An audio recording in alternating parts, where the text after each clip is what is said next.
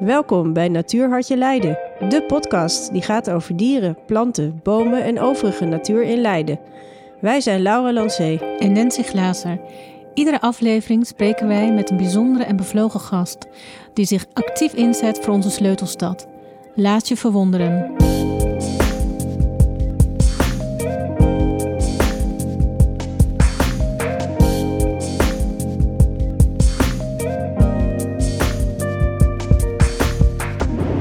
Martine van Schaik heeft idealen.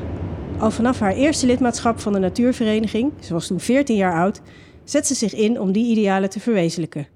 Op dit moment doet ze dat vanuit haar rol als fractievoorzitter van de Partij voor de Dieren in, de Leidse gemeenteraad. Een rol die ze met enthousiasme en met succes invult. En waar ze dicht bij het besluitvormingsvuur zit. Maar het is niet de enige plek waar je voor idealen kunt strijden. De politiek definieert niet wie Martine is. En hoe de waan van de dag je ook kan opslokken, Martine blijft nuchter.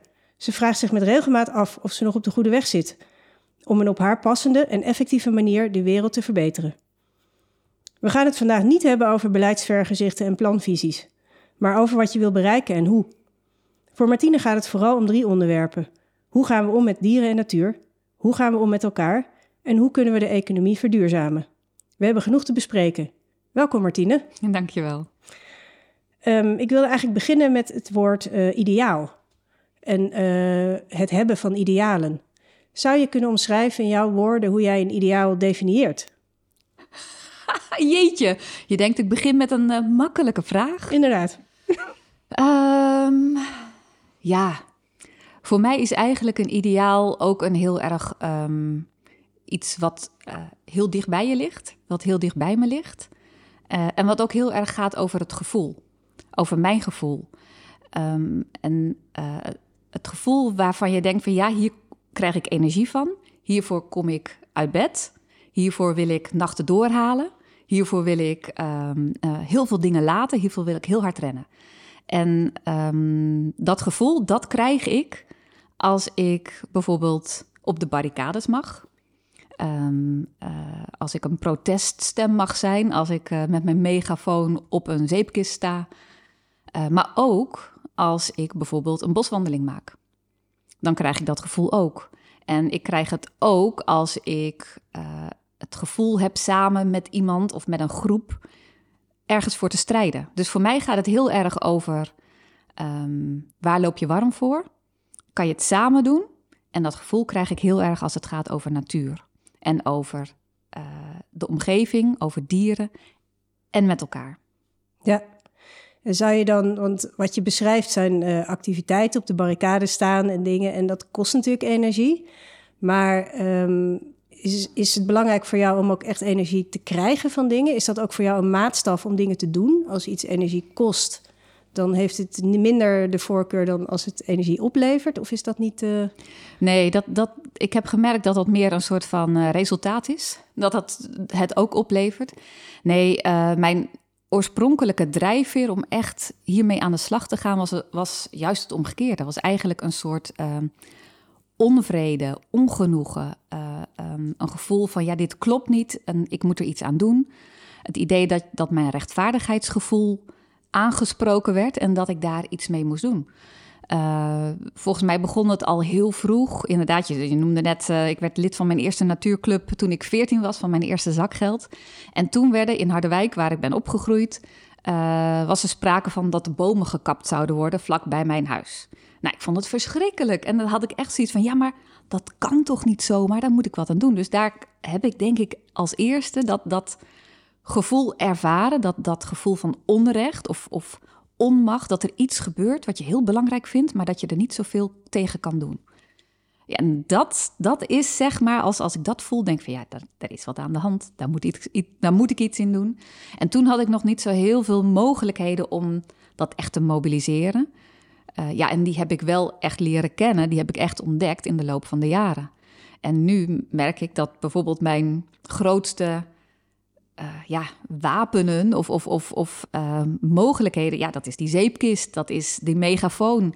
Maar dat is ook mijn spreekrecht in de raad. En uh, mijn stemrecht in de raad.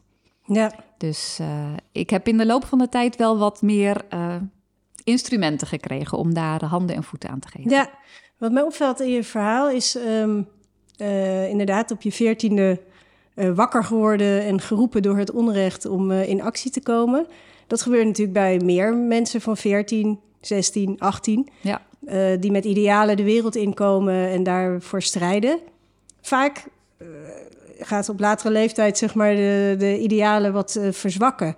bij jou is dat helemaal niet het geval. Jij bent nog even vol vuur voor diezelfde bomen die nog steeds gekapt worden. Er is eigenlijk uh, ja, jammer om, dat vast te stellen. ja. Is het nog steeds nodig? Ja. Maar dat vuur zit ook in jou nog. En uh, waarom denk je dat dat bij jou is gebleven? Dat, dat, uh, dat je dat volhoudt, zeg maar?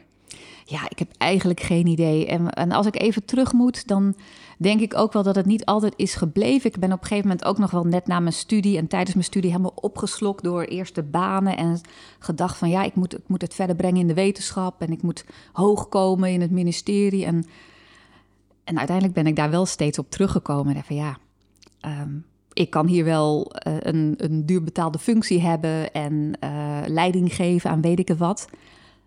Maar ik krijg daar niet datzelfde gevoel bij. Dat is absoluut nee. niet aan de orde. Dat is dan misschien heel fijn. Hè? Je hebt een soort van aanzien. Of, of een, uh, maar uiteindelijk is dat niet wat, wat ik aan het begin zei.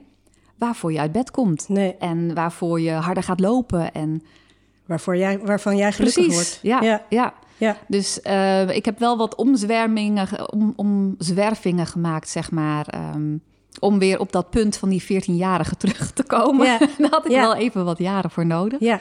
En waarschijnlijk ook veel geleerd in de tussentijd. Ja, absoluut, absoluut. Ja. En um, ik zit even te denken van ja, wat was dan voor mij het omslagpunt? Ja, nou, ik ja. Mag, mag, ik, mag ik een anekdo anekdote geven Uiteraard, uit mijn... Ja, heel graag. Want ik werkte bij het ministerie van Sociale Zaken. En um, ik had net een soort van promotie gemaakt. Dat was hartstikke leuk.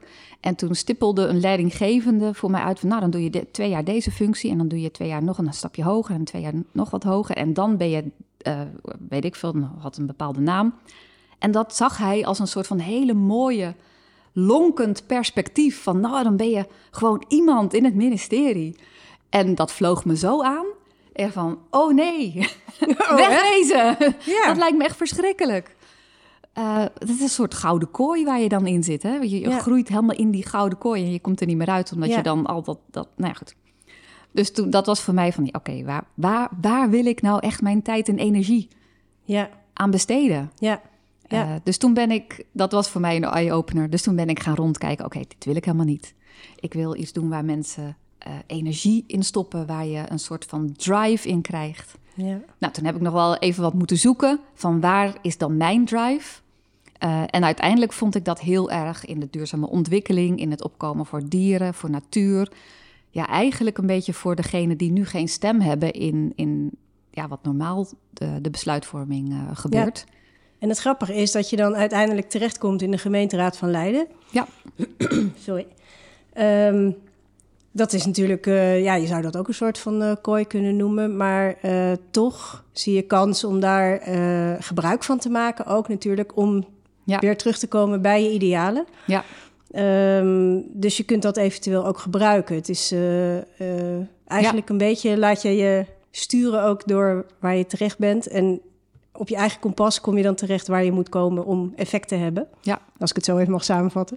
Excuses. Ja, en, en wat wel heel fijn is aan een positie in de gemeenteraad is... Uh, want we volgen inderdaad zo'n zo heel vast stramien. Hè, want de, de, de, de raad en de morgen in de raad is best heel strikt.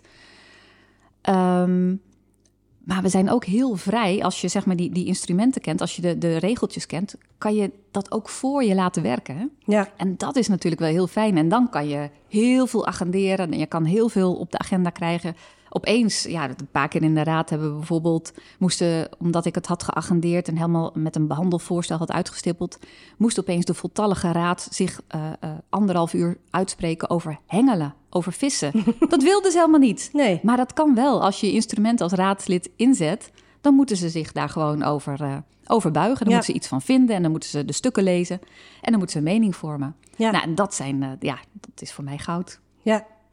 Ja, dat is uh, belangrijk natuurlijk, dat je uh, onderwerpen kunt agenderen en ook kunt uitvoeren. Dat brengt mij een beetje op de, de idealen die, we, die ik in de introductie al noemde. eh, omgang met eh, eh, dier en natuur door de mens, dus die driehoek eigenlijk. Eh, omgang eh, van mensen onderling, de maatschappelijke kant van het verhaal en de, de economische kant van het verhaal en de verduurzaming daarvan, hè, dat is structuuraanpassing, systeemaanpassing. Ehm, het lijken drie onderwerpen die eh, heel breed zijn. Ehm, wat, wat, wat is voor jou de rode draad in die drie onderwerpen? Is er een, eh, heb je daar een keuze in gemaakt om die drie los van elkaar te kiezen? Of zijn deze het gevolg van een innerlijke overtuiging die deze drie tot gevolg heeft? Ja, ik denk dat laatste. Mhm. Ehm, het is niet een bewuste keuze. Het is meer iets als, je dan, als ik dan terugkijk, denk ik van ja, dat, dat is wel een beetje de rode draad. En er zit ook een samenhang in. Ehm, want ik zie eh, de manier waarop wij omgaan met de natuur en met de dieren. ehm, dat is heel erg gericht op ehm, instrument, instrumenteel gebruik van natuur en dieren. Als het voor ons nuttig is en zinvol, dan vinden we het oké. En als we er last van hebben, maken we het dood, even bot gezegd. Eh, en het is heel erg gericht op uitbuiting. Zo van de natuur en de dieren, die zijn er ook om ons te plezieren, om ons te voeden. En daar mogen we gebruik van maken en dat mogen we uitbuiten ehm, zal, zoals wij willen. En ehm, eigenlijk hebben we een beetje diezelfde houding naar elkaar. Ehm, misschien niet zo in een contact één op één, nu wij zo gezellig eh, zitten te kletsen. Maar wel als je bijvoorbeeld kijkt ehm, eh, hoe je omgaat met mensen die het minder getroffen hebben. Hoe we als samenleving omgaan met mensen die eh, hier bijvoorbeeld asiel komen zoeken. Of die een uitkering nodig hebben. Het wordt heel erg gezien dat zij. ehm, eh, eh, ja, we zien ze eigenlijk als kostenpost. Ja? En eh, bijvoorbeeld in de raad zien we ook dat zorg bijvoorbeeld wordt gepresenteerd als met een business case. Dus het wordt heel zakelijk en heel, heel financieel, instrumenteel bekeken. ehm, of, het, of een mens waard is om te investeren om eh, een volwaardig bestaan te hebben. En ja, dat, die twee hebben voor mij ook heel erg samen te maken met hoe wij onze economie vormgeven. Geld is zo'n dwingend middel geworden. Ehm, eh, eigenlijk een doel op zich. Eigenlijk zou je de derde ideaal kunnen omschrijven als omgang met geld. Ja, precies. Eigenlijk moeten we daar gewoon ons heel erg op herbezinnen. Ja. Want eh, eh, het geld heeft ons ja, zo afgestompt en zo gefocust op dat doel... dat we zeg maar die medemenselijkheid of die mededierlijkheid... is dat een, is dat een woord? Mededierlijkheid? Medeplantelijkheid. dat we dat gewoon helemaal uit het oog zijn, ver- uit het oog zijn verloren. En dat we eigenlijk uit het oog zijn verloren waar het nou echt om gaat. Hè? Dat is contact met de medemens, contact met de natuur, goed zijn voor de dieren. Eh, uiteindelijk zijn we allemaal onderdeel van hetzelfde ecosysteem, hè, dezelfde aarde. Het is niet dat wij daar een plaatsje boven hebben of een, of een troon boven, hè, dat we vanaf die troon op, over alles regeren. Ik bedoel, als de klimaatverandering eh, die treft ons ook, mensen. Hè? Dat is nu al aan de gang. Wij in het Rijke Westen hebben daar nog relatief minder last van, maar het gaat ons ook treffen. Dus er is helemaal geen reden om, om ervan uit te gaan dat wij ons zo verheven moeten voelen boven de natuur en boven de dieren. En dat doen we wel. Ja. En ehm,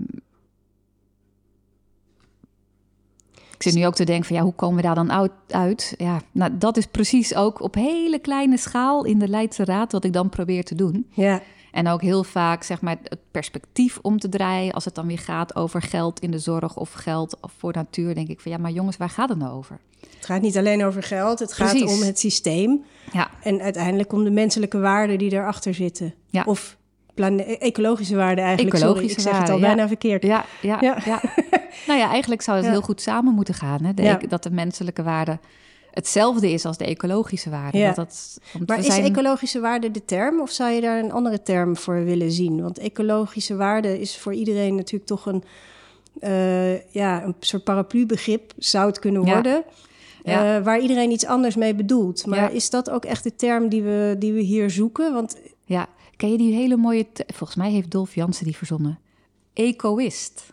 ecoïst. Ik ben geen... Ik ben een ecoïst. Ja, ja. Dat vind ik wel een hele mooie term. Ja, en dat betekent dan dat jij dus de mens als onderdeel van het geheel ziet... Ja. binnen de even grote andere onderdelen, Precies. dieren en natuur of omgeving. Ja, ja, klopt. En dan ben je dus niet meer, dan sta je er niet boven, je staat er niet naast, je staat niet op het topje of zo. Staat maar je, ertussen. bent, je staat ertussen, je bent er echt onderdeel van. En als Ja. je dat echt eh, er is een verschil tussen weten en, en voelen. Als je dat zowel weet, maar ook echt voelt, tot zeg maar heel diep in je haarvezels en Ja, haarvaat en zo, dan ga je heel andere keuzes maken. Dan ga Ja. je echt anders denken en andere keuzes maken. Ja, ja. Denk jij dat, eh, want in onze podcast praten we ook met historici bijvoorbeeld en met, eh, met evolutionisten. Eh, die kijken natuurlijk naar lange, lange tendensen, eh, lange lijnen, lange tijdlijnen. Mhm. Eh, de planeet heeft natuurlijk ook een enorme lange tijdslijn, waar de mens maar een kort deeltje eigenlijk van uitmaakt, maar toch wel vrij lang om daar wat gedachten over te hebben. Ehm, zie jij een ontwikkeling in dat denken van de ecologische plek van de mensen, zeg maar, in de planeet? Is dat, zoals zoveel ontwikkelingen, een op- en neergaande lijn? Of is dat toch meer een lineaire lijn die op een gegeven moment naar een horizon toeleidt, naar een punt toeleidt? Ehm, dus even afstand nemend, iets Mhm. groter, zie je daar een ontwikkeling in? Ah, je doet niet aan kleine vragen, hè? Jeetje. nee. ik ga van groot naar kleine. Zo direct gaan we naar het kleine. Ehm, ja, ik zie wel echt een, ik, ik zie wel een ontwikkeling. Ik weet, ik, weet niet of ik alles overzie, hè, dus eh, meteen allerlei kanttekeningen. Ehm, maar ik denk dat ehm, eh, het lineaire wat je schetst, dat dat niet iets is wat bij ons past. En ik denk dat het heel erg komt vanuit ehm, een soort van mechanische mechanisch wereldbeeld, wat misschien een beetje met de industriële revolutie is gekomen, hè, met het lange, met het eh, lopende bandwerk. Hè, dat moet Ja. maar door en dat moet maar door en dat moet maar door. Misschien ook een soort maakbaarheid? Precies, een soort maakbaarheid. En van, eh, eh, van als je dit erin stopt, dan komt dat er altijd uit. Dat is echt een soort van mechanisch wereldbeeld, hè, gericht op machines. En dat geldt voor, voor machines, maar niet voor mensen. Nee. Dus ik, ik denk dat we daar een tijdje in verzeild zijn geraakt. En eh, dat ook dat productiviteitsdenken, wat er nog steeds in zit, dat dat er altijd dat dat, dat dat een restant daarvan is. En dat we daar wel langzaam van terugweken. Ja. Ehm, ehm, we moeten ook wel. Want potverdorie, we hebben een klimaatcrisis en een biodiversiteitscrisis. Dus als je het nu nog niet ziet, dan ga je het vanzelf wel zien. Gewoon omdat je niet anders kan. Ja. Ja. Ja, Ja, het is een. eh, het is eigenlijk een soort eh, ja, kantelpunt. Is, vind je dat ehm, eh, een woord waar je iets mee hebt? ja, daar heb ik heel veel mee. Ja. Ja, en ik hoop ook echt dat dat kantelpunt. ehm, ja, misschien hebben we het al bereikt, misschien zijn we er overheen, misschien zitten we er tegenaan. Ik vind dat lastig in te schatten. Ehm, maar het, het, mag, het mag, wat mij betreft, kantelen. Volgens mij zijn we er klaar voor. ja. En, ehm, Ik vraag het natuurlijk- ja, Ja, sorry, sorry, ik- ga je gang. Ik vraag het natuurlijk, en ook een beetje daarnet eh met die, eh, de grote vraag zeg maar, van de, de lange lijn, is dat eh, dat kantelpunt is ook een beetje een punt waar ik naar op zoek ben, of waar misschien wel meer mensen naar op zoek zijn. En nu we in de klimaatcrisis raken en echt een beetje de bodem lijken te raken, zou je bijna kunnen zeggen, eh, realiseer je ook steeds meer dat in de jaren 80 en 70 dit allemaal eigenlijk al genoemd is. Eigenlijk was het kantelpunt, of in ieder geval de aankondiging van het kantelpunt, toen al lang en breed bekend. Ja. Eh, waarom denk jij dat eh, de mens zo hardleers, Ja. zeg maar, zou kunnen? Het is weer een grote vraag, sorry. Ja. Ehm, Ja. Maar ik bedoel, wat, wat, wat, wat is het in de mens? Is het, is het juist een, een niet-rationaliteit? Is het een overrationaliteit? Of is het gewoon ja, het niet willen weten en dan maar eh, eh, een soort van eh, oogschelmen op en, en, en doorgaan en, en niet Ja. kijken naar de gevolgen daarvan? Ja, ja, het is ook wel weer een hele lastige. Ehm, misschien zijn de gevolgen zo groot dat we ze niet kunnen overzien. Ja, En ehm, ehm, dat we gewoon kleine gevolgjes nodig hebben om het te gaan begrijpen. Echt te begrijpen. Ja, Als in weer dat echt voelen. ja, Ehm, en je zag dat bijvoorbeeld vorig jaar toen er eh, overstromingen waren vlak bij ons. Hè, in, in, in, eh, net, in de, ehm, eh, net over de grens bij België en net over de grens in Duitsland. En ook in, in Zuid-Limburg bijvoorbeeld. Dat de, de overstromingen door de klimaatverandering, dat die nu binnen onze eigen landsgrenzen komen. Ik denk dat dat van die kleine, relatief kleine gevolgjes zijn... die mensen nodig hebben om echt te bevatten wat er aan zit te komen. En ook wat ze nodig hebben om in actie te komen. ja, ja. Helaas, zou ik bijna zeggen. Want Ja. dit, dit was allemaal te voorkomen. En veel makkelijker te voorkomen dan nu nog. Ja. Ehm, het zijn grote, grote onderwerpen, grote, grote dingen. Maar dat is het ook gewoon. Hè? Je kunt Ja. het niet kleiner maken. Ehm, veel mensen worden daar ook, eh, nou ja, wanhopig soms van. Eh, dus het is heel mooi om te zien hoe jij eh, juist die energie haalt uit die kleinere ehm, eh, successen die je, die je boekt. Niet kleiner in de zin van minder belangrijk, maar kleiner op een misschien iets kleinere schaal binnen de gemeente of in Nederland. Omdat, zoals je zegt, eigenlijk als zelf al aangeeft, de hele wereld overzien, dat is gewoon voor een mens bijna niet te, te doen. Dus je moet het al kleiner maken. Maar je maakt het ook kleiner om het eh, ja, haalbaar te maken, om, om effect te sorteren. Ja. Ehm, zou je misschien een voorbeeld kunnen noemen van een succes waarvan je denkt, nou, dat was echt. eh, je hebt net al even het eh, hele debat over hengelen genoemd, maar misschien kun je nog iets noemen van wat in Leiden een effect heeft gehad en wat een goed eh, gevoel gaf aan jou in, Mhm. in de adressering van jouw idealen. Ehm, ja, wat ik misschien ook nog wel een mooi... Ja, oh jeetje, er komen nu heel veel in, in mijn hoofd. Maar dat, welke, dat is heel goed, Ja, dat betekent dat er heel veel successen zijn, dat is fijn. ja, maar welke ik nu wel leuk vind om te noemen... dat is ehm, eh, de vuurwerkmotie. Die was van 2018, denk ik. Dus al wel iets, iets eerder in deze periode. Ehm, de discussie over vuurwerk is ook aan het kantelen. Al een hele tijd. Hè. Je, eh, eh, tot een aantal jaar geleden was het ondenkbaar dat we een vuurwerkvrij oud en nieuw hadden. En nu hebben we er al twee keer eh, eh, één gehad. Een vuurwerkvrij oud en nieuw. Tenminste, officieel. Ja, er werd nog vo- voldoende geknald op straat, maar officieel was het een vuurwerkvrije eh, oud en nieuw. Ehm, en die discussie die is heel erg gaan kantelen, omdat mensen ehm, in hun eigen omgeving zagen wat voor ontzettende troep het gaf, wat voor schade het gaf. Ehm, voor ons, voor mij, was, is het ook heel erg belangrijk wat voor natuurschade het geeft en wat voor effect het heeft op dieren. En dat allemaal tezamen, dat hebben we al een hele tijd, als Partij voor de Dieren hebben we dat een hele tijd lopen agenderen. En op een gegeven moment, eh, in het begin werden uitgelachen en bla bla bla. En op een gegeven moment zag je dat er iets begon te landen. En dan kan je dat uitbouwen. Dus in 2018 was het moment daar dat eh, de motie Leiden maken we samen vuurwerkvrij gewoon werd aangenomen. Ja. Als echt een van de allereerste gemeenten in het hele land heeft de, de Leidse gemeenteraad zich uitgesproken dat we vuurwerkvrij willen worden.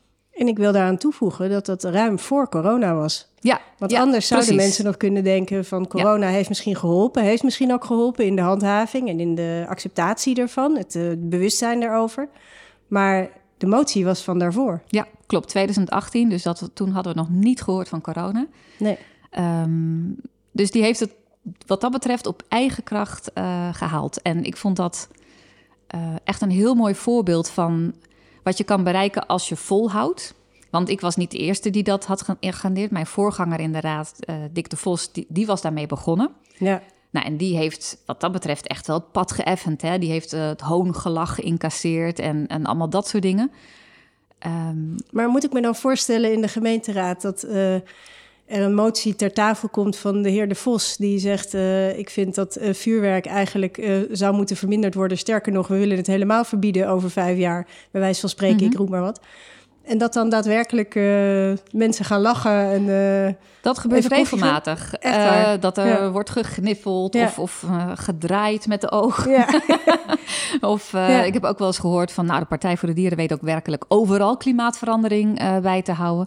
Bij te halen. Dat was toen net de, de oorlog in Syrië begon. Toen hadden mensen in de gemeenteraad nog niet het linkje gelegd met klimaatverandering. Dat het ook daar...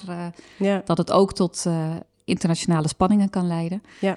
Eh, dus ja, dat inderdaad, Ja, ja. dat klopt. dat gebeurt. Tja, dat is toch eh, Ja. grappig om voor te stellen, maar zeker ook goed om te zien dat dat dan een aantal jaren ook verstomt. Dat is natuurlijk ideaal. Dat is, dat en is wat wel ik een mooie wel heb gemerkt is, is dat je dat dus eh, moet agenderen. Dan gaan ze eerst heel erg eromheen draaien en lachen en belachelijk maken. En op een gegeven moment dan zie je wel mensen die bereid zijn ergens om erover na te denken. En dan de volgende stap is dat mensen dan inderdaad denken van ja, ja, god, er zit eigenlijk wel wat in. Jeetje, moeten we wat? En dan komt de stap, ja, we moeten wat. En dan ben je er. Ja. Maar dat Ja. is een kwestie van de lange adem. Ja, Dus daarom heb je ook echt gewoon een hele dikke huid nodig. Ehm, een goed team om je heen met, met wie je dat samen kan doen. Want als je Ja. dat in je eentje ja. Moet, moet eh, incasseren allemaal, ja, dat is best wel Ja. een klus. Dat is best wel heftig. Ik zat te denken over je tweede eh, pilaar van de idealen, zeg maar, de omgang met elkaar. Want de gemeenteraad, bedenk ik me ineens, eh, nu dat je zo aan het praten bent, is natuurlijk een plek waar, je, waar dat bij uitstek speelt. Dat je met elkaar Ja. eh, oplossingen moet bedenken. En eh, het is helemaal niet erg om om elkaar te lachen en grapjes te maken. Want eh, ik hoop dat er om de andere partijen ook wel eens gelachen wordt als ze overal bijvoorbeeld bezit en auto's bijhalen. Dat kan ik me zomaar voorstellen. Maar in die gemeenteraad is natuurlijk toch ehm, een belangrijke plek om met anderen om te gaan. Ja. Met verschillende belangen. Mhm. Het is bij uitstek een plek waar die belangen ook worden uitgesproken en worden uitgevochten. Ja. Ehm, ik heb zelf het idee, om even met, bij die tweede ideaal te blijven van omgang met mensen, dat ehm, het, de ontmoeting tussen mensen, zeg maar, vrij cruciaal is in een, eh, in een oplossingsgedachte. Dus eh, waar op dit moment ook, en ik denk eigenlijk altijd al door de hele geschiedenis heen, mensen eh, verdeeld zijn geraakt over onderwerpen, over landen, grenzen, whatever. Ehm, dat het ontmoeten van elkaar, dus ook met, met vluchtelingen, mensen, nieuwkomers eh, en mensen die het minder getroffen hebben of ziek zijn, eh, dat die ehm, meer begrip krijgen als mensen ze kennen, als er een ontmoeting plaats heeft. En dat is de plek waar begrip kan ontstaan. Eh, zie jij daar ook een oplossingsrichting in? en, en, en hoe zou je dat dan praktisch voor je zien om dat, om dat voor elkaar te krijgen, om mensen weer bij elkaar te brengen? Ehm,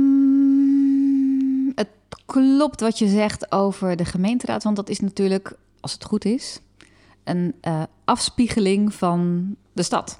Ja. Hè, want we, wij zijn allemaal gekozen volksvertegenwoordigers. Dus het idee van de mensen die daar zitten in de, in de, in de raad, die eh, vertegenwoordigen een bepaalde achterban in de stad.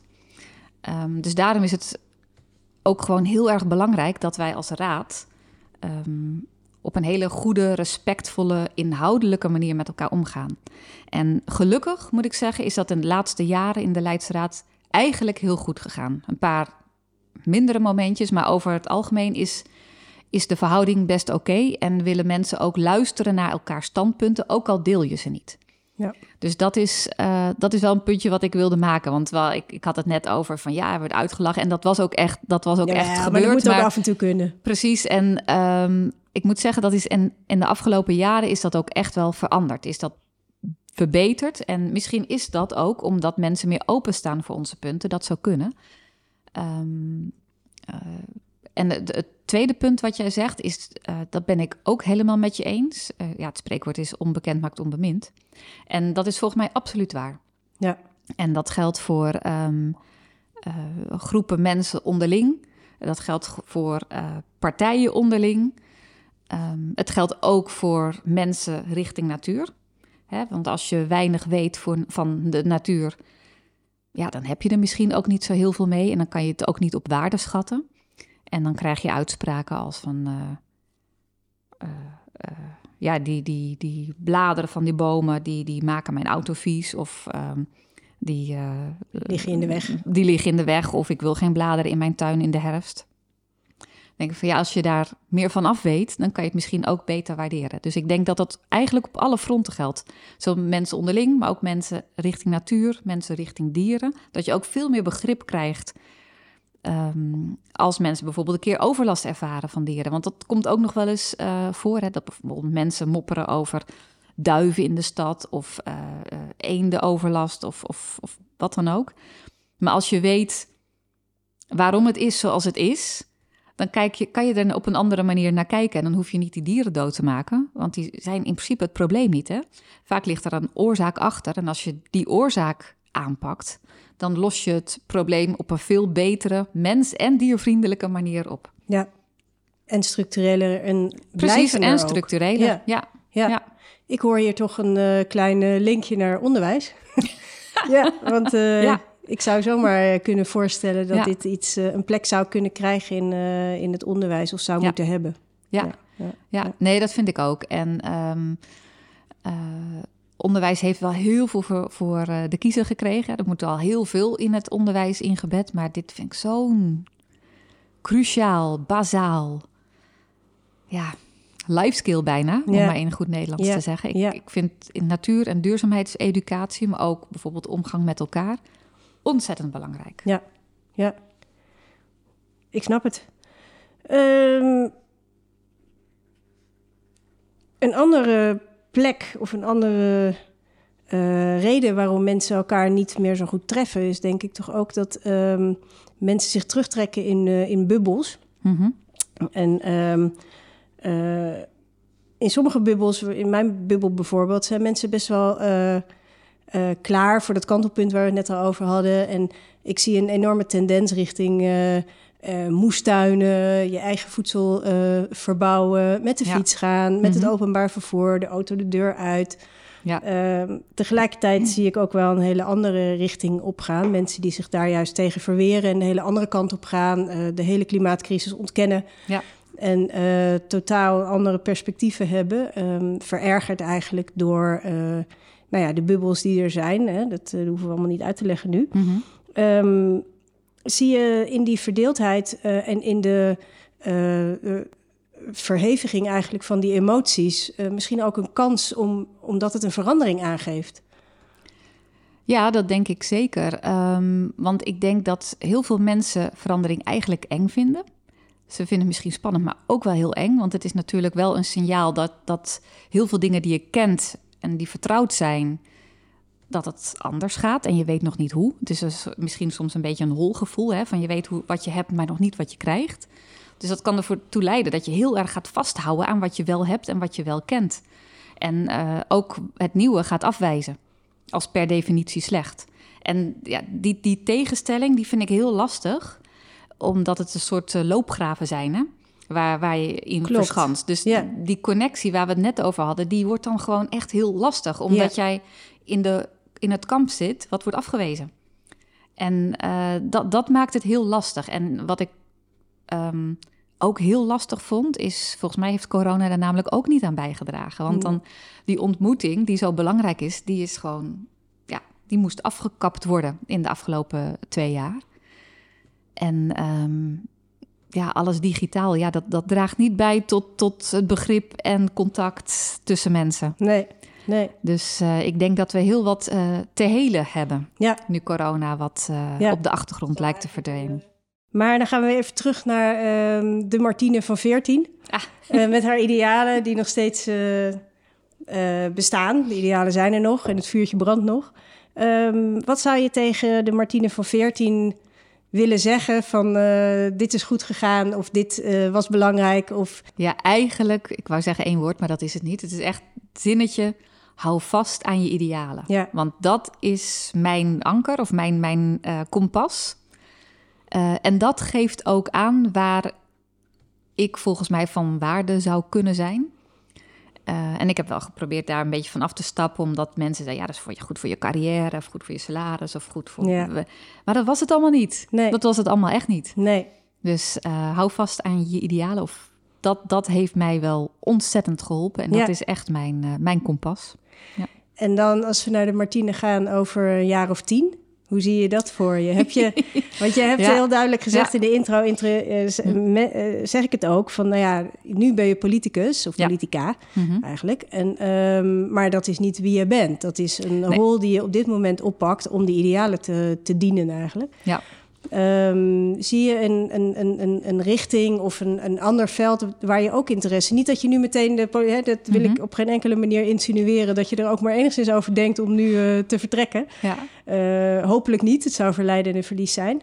Maar ehm, zijn er velden waarvan je denkt... nou, als ik ooit nog eens eh, wat meer tijd zou hebben... of een andere richting in zou slaan... dan zou dat wel een richting zijn waar ik mijn idealen ook kan verwezenlijken.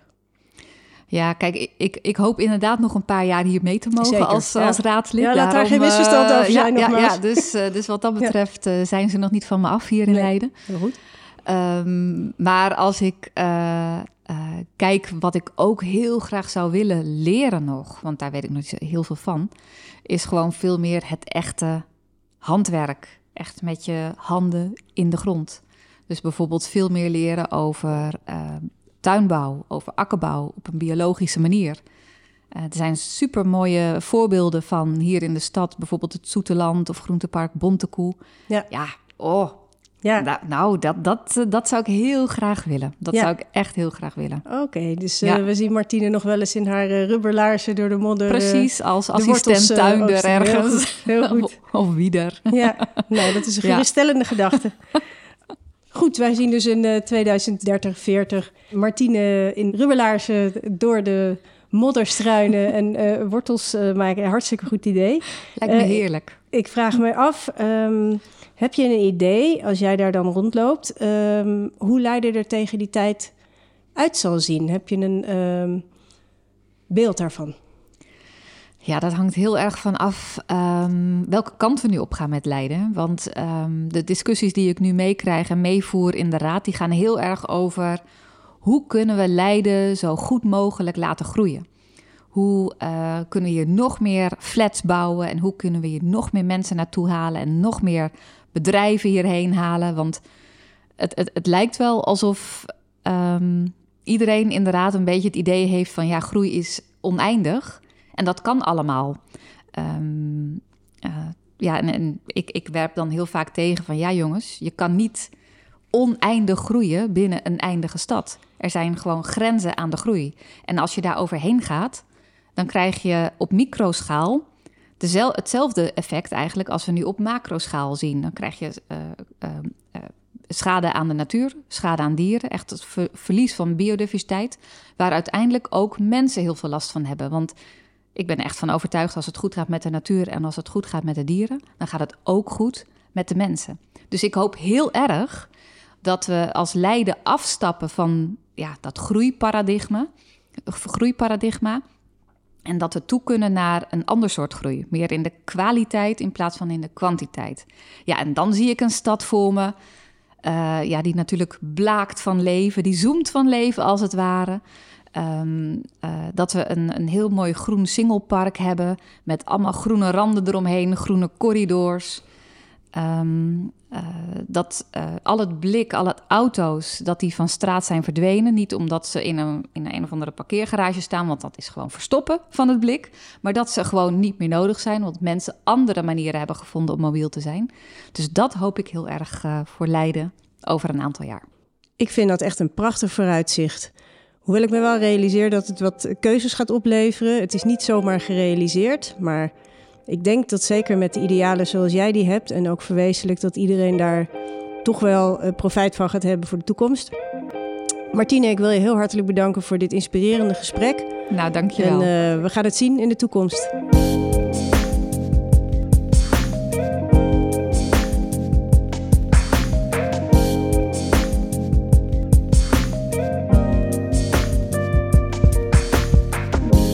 Voor luisteren. Voor meer informatie, het stellen van vragen of aanmelden als gast kun je terecht op onze website natuurleiden.nl. Daar vind je ook onze gratis audio stadswandeling. Montage en muziek van vandaag waren in handen van Hugo Zwarts van Home Mindfulness in Leiden. Graag tot de volgende keer.